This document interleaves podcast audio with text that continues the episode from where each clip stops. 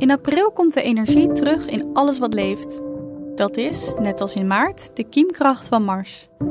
Mars brengt deze maand door in het gevoelige teken kreeft. Wat doet het met jou? Kruip je in schulp of durf je te doen wat je wilt?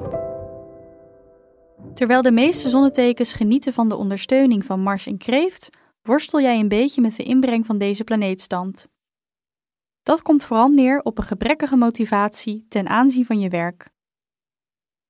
Je kunt op de een of andere manier de flow niet vinden, wat kan leiden tot onprettige gevoelens van schuld en stress als je je deadlines en afspraken niet haalt.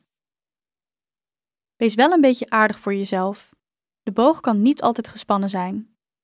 Proberen om op pure wilskracht van alles voor elkaar te krijgen gaat ten koste van je humeur. Misschien is het beter om in april alleen het hoogst noodzakelijke te doen en andere klussen of taken zoveel mogelijk door te schuiven naar volgende maand. Beter nog, ga op vakantie.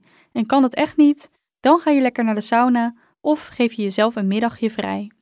Vertrouw erop dat je binnenkort weer op volle toeren draait.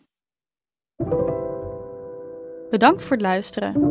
Wil je je maandhoroscoop nooit meer missen? Vergeet dan niet om je te abonneren op ons kanaal. Liefs, happiness.